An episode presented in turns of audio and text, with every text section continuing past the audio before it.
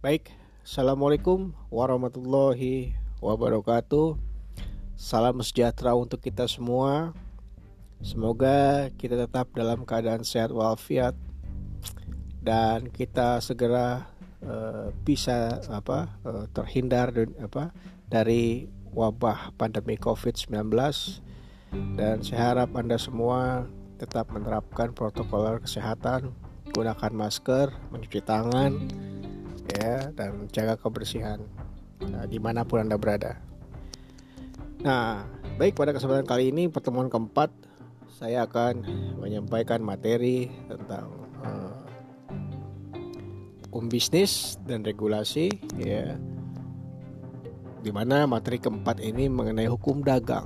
Nah, mungkin Anda pernah mendengar istilah dagang, Anda pernah mendengar istilah hukum dagang. Nah, sebelum saya masuk ke materi, saya akan ada pengantarnya dulu. Bagaimana ternyata dalam hukum dagang itu ada yang dikatakan sebagai business environment yaitu terdiri dari teknologi, terdiri dari marketnya pasar seperti apa dan bagaimana regulasi dan hukumnya. Nah, kemudian ada bisnis strategi bagaimana ternyata hukum bisnis dan hukum dagang itu mengatur bagaimana strategi bisnis. Untuk apa? Untuk berkompetisi. Nah, kemudian bagaimana dengan organizational arsitekturnya ya, bagaimana uh, performance-nya, reward sistemnya seperti apa. Kemudian ada incentive and action dan terakhir firm value. Itu adalah merupakan uh, teori atau kerangka atau framework dari uh, hukum dagang gitu ya. Nah, dalam hukum dagang itu berkaitan dengan hukum perdata. Nah, Anda sudah mempelajari mengenai hukum dagang, uh, hukum perdata di pertemuan pertama. Nah, ternyata hukum dagang dan hukum perdata itu ya bisa dikatakan berkaitan. Nah, bila hukum dagang itu uh, Nama kitabnya atau nama bukunya dari White Book van Kuppenhandel. Nah, sementara hukum perdata itu namanya Borglik White Book. Nah, ya. Borglik White Book. Jadi sekilas sepintas hukum dagang dan hukum perdata itu ya beda-beda tipis walaupun uh, akhirnya itu saling berkaitan. Nah, kemudian kenapa kita undang hukum dagang dan uh, hukum perdata itu dipisahkan? karena merupakan konkordansi dari Belanda dalam sejarahnya. Undang-undang ini untuk dipergunakan untuk pedagang dalam menjalankan usahanya. Makanya harus ada khusus ya, harus ada regulasi khusus yang membuat tentang hukum perdagangan. Nah, sistematika kitab undang-undang hukum dagang terdiri dari dua buku ya. Satu buku itu berisi 10 bab tentang dagang pada umumnya Nah, buku 2 itu berisi tentang 13 bab tentang hak dan kewajiban yang timbul dari pelayaran. Nah, sebelum ke situ, marilah kita memahami dulu mengenai pengertian yang terkait dengan dagang. Nah, perdagangan dan perniagaan. Nah, kalau pekerjaan itu membeli barang dari suatu tempat atau waktu tertentu dan menjual barang tersebut di tempat dan waktu yang berbeda dengan tujuan untuk mencari keuntungan. Nah, itu pengertian dari perdagangan dan perniagaan. Nah, sedangkan jenis dan pembagian perdagangan yang pertama ada pekerjaan pedagang yang tugas pekerjaannya mengumpulkan, menyalurkan, broker dan retailer. Jenis yang diperdagangkan bisa bergerak, tidak bergerak, dan tidak bertubuh. Atau bisa juga daerah perdagangannya itu bisa di luar dan di dalam negeri. Nah, kalau kita bicara tentang usaha-usaha perdagangan atau perniagaan, itu adalah segala sesuatu yang menjadi pelengkap dalam melakukan kegiatan untuk mencari keuntungan ya. Berdasarkan objeknya dia bisa benda dia bisa jasa dan dia bisa tidak berwujud. Kemudian bisa langganan yang ketiga rahasia perusahaannya dan keempat goodwill. Segala sesuatu yang dapat mempertinggi nilai perusahaannya. Nah kalau perusahaan kemarin kita sudah membahas sedikit di pertemuan ketiga ya mengenai pengertian perusahaan. Nah, jadi saya lewati saja ya. Jadi untuk unsur-unsur perusahaan sendiri itu kegiatan terus-menerus, terang-terangan, bertindak keluar, mencari keuntungan dan untuk melakukan pembukuan. Ya, jadi pembukuan itu merupakan hal yang penting dalam sebuah perusahaan atau Nah,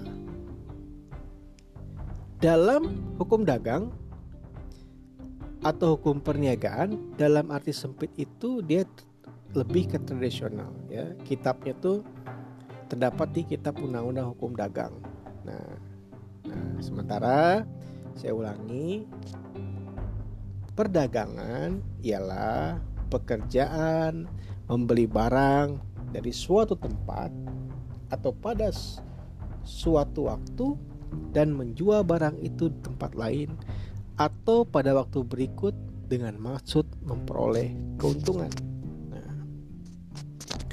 Nah, perkataan dagang bukan suatu pengertian hukum. Ya, jadi itu merupakan pengertian ekonomi. Jadi dagang jadi saya ulangi bahwa dagang itu bukan merupakan pengertian hukum. Dagang itu adalah merupakan istilah yang digunakan di ekonomi. Nah, dagang adalah segala perbuatan perantara antara produsen dan konsumen. Itu adalah pengertian dagang. Nah, ada beberapa pengertian hukum dagang menurut para pakar. Ya, menurut Ahmad Ihsan, hukum dagang adalah hukum yang mengatur soal-soal perdagangan, yaitu soal-soal yang timbul karena tingkah laku manusia dalam perdagangan. Nah, menurut R. Sukardono, hukum dagang adalah hukum perdata dan umumnya yakini yang mengatur masalah perjanjian dan perikatan-perikatan yang diatur dalam buku 3 BW. BW itu adalah Burklich White Book. Nah, dengan kata lain, hukum dagang adalah himpunan peraturan-peraturan yang mengatur seseorang dengan orang lain dalam kegiatan perusahaan yang terutama terdapat dalam kodifikasi KUH Perdata dan Kitab Undang-Undang Hukum Dagang.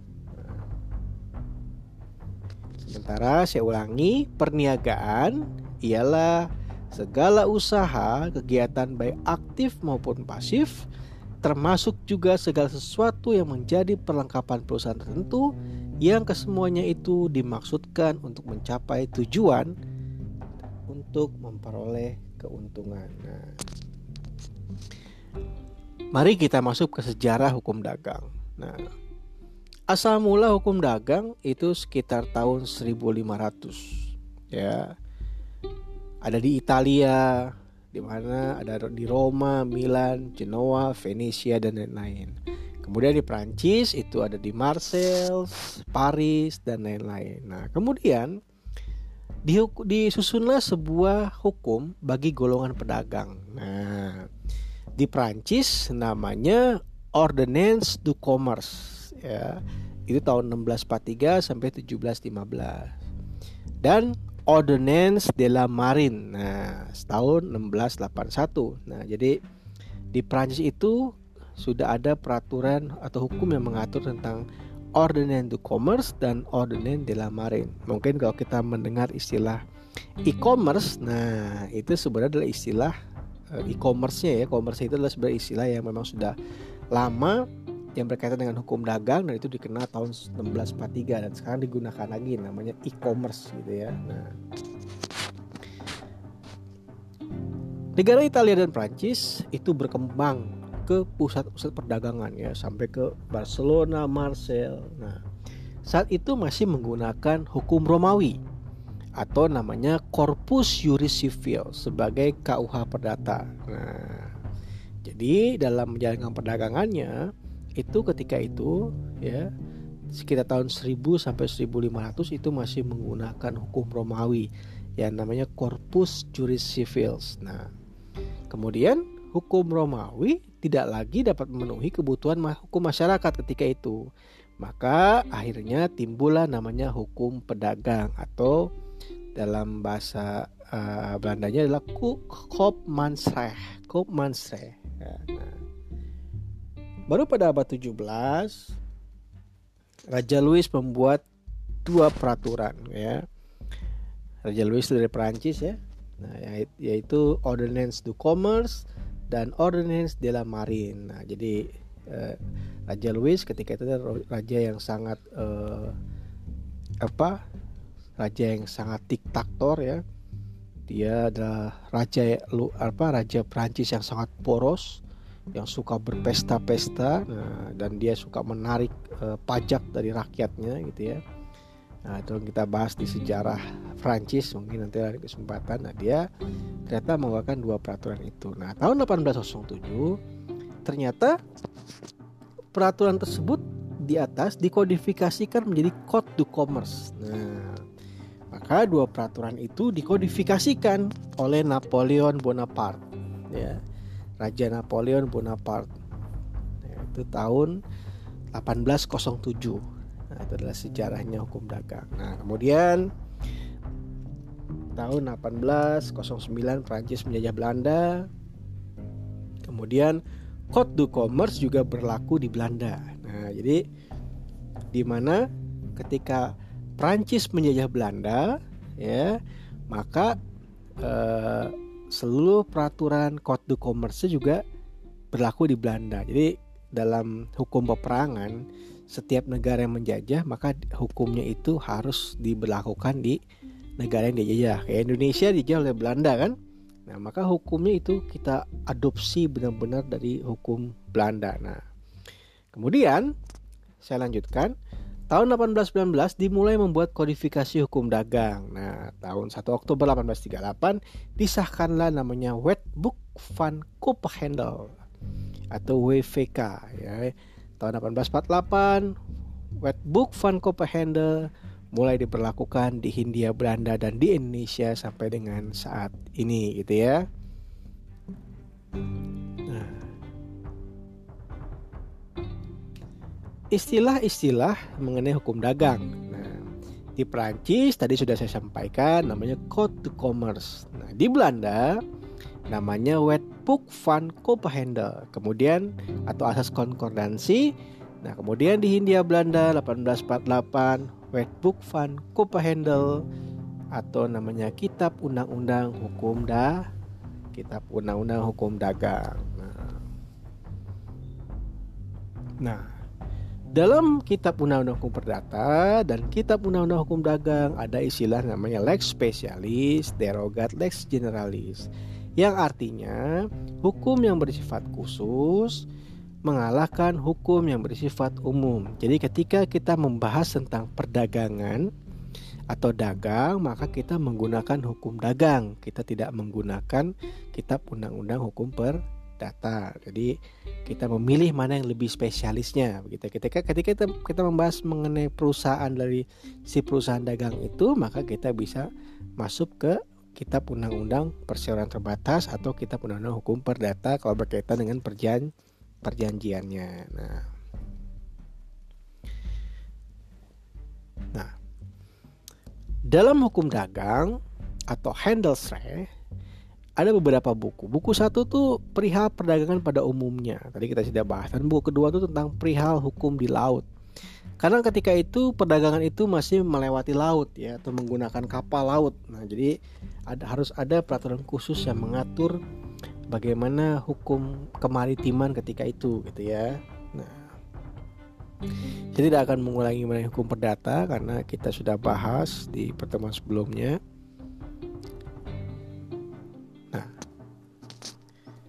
Dalam sistematika kitab undang-undang hukum dagang yang pertama kan tentang dagang pada umumnya. Tentang membahas tentang apa aja di situ membahas tentang pembukuan, tentang beberapa jenis perseroan, tentang bursa dagang makelar dan kasir, tentang komisioner ekspeditur, tentang surat pesa dan surat order, tentang cek promise, tentang hak reklame, tentang asuransi. Sedangkan kitab kedua tentang hak dan kewajiban yang terbit dari pelayaran, di antaranya tentang kapal laut dan muatannya, tentang pengusaha kapal, tentang nahkoda dan ABK anak buah kapal, kemudian tentang perjanjian kerja laut, tentang pengangkutan barang, tentang pengangkutan orang, tentang penabrakan kapal atau tentang pecahnya kapal. Nah, ya.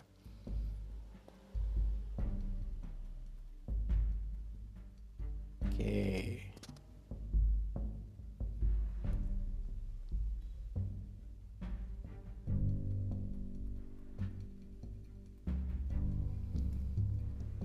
Nah, sumber hukum dagang ada yang bisa hukum tertulis atau yang sudah dikodifikasi, kemudian hukum tertulis yang belum terkodifikasi, ya. Nah, apa bedanya? Kalau hukum tertulis itulah yang dicantumkan dalam peraturan perundang-undangan. Nah, dikodifikasi ataupun tidak dikodifikasi. Contoh hukum tertulis adalah hukum perdata tertulis dalam KUH Perdata Hukum pidana dituliskan dalam KUH pidana.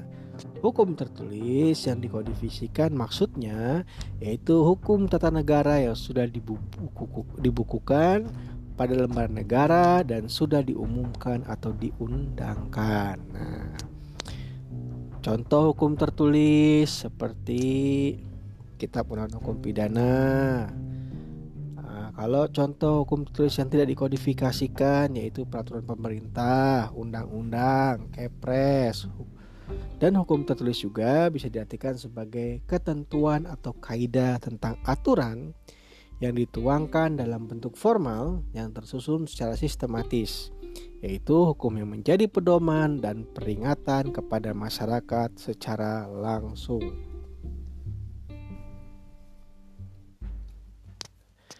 Hukum tidak tertulis biasanya hukum yang hidup dan tumbuh dalam kehidupan masyarakat, adat atau dalam praktik ketatanegaraan atau konferasi.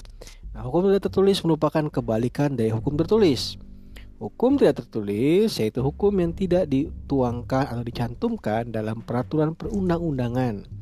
Hukum tidak tertulis merupakan hukum yang hidup atau berjalan dan tumbuh dalam kehidupan masyarakat atau adat atau dalam praktik ketatanegaraan atau konversi. Nah, contohnya hukum tidak tertulis seperti hukum adat, ya, kemudian eh, sebuah pedoman tetap pelaksanaan kehidupan di masyarakat. Ya, itu dia hukum yang tidak tertulis jadi lebih kepada kebiasaan ya. Nah,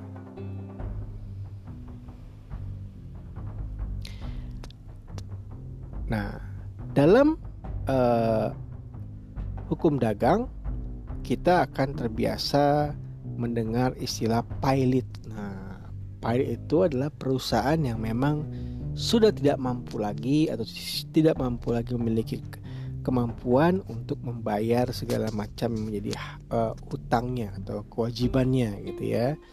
Nah, istilah perdagangan dan perniagaan oleh hukum itu diubah menjadi perusahaan. Jadi artinya eh, hukum itu merubah istilah perdagangan ya perniagaan itu menjadi sebuah perusahaan. Jadi dia jadi bagaimana Pak contohnya apakah pedagang warung juga dianggap perusahaan? Ya, dalam hukum itu pedagang warung, pedagang mie ayam di pinggir jalan dianggap sebagai perusahaan. Nah, kemudian ada perbedaan apa bedanya antara perusahaan dengan pekerjaan? Nah, kalau perusahaan itu mencari keuntungan, kalau pekerjaan untuk memenuhi kebutuhan hidup. Nah, kalau perusahaan cenderung lebih banyak mempergunakan modal.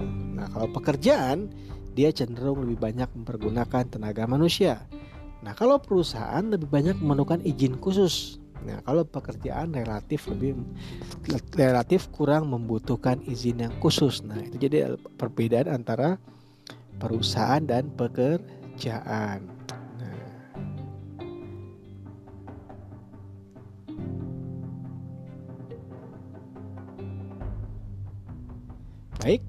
cukup sekian materi pengantar hukum dagang dari saya. Terima kasih.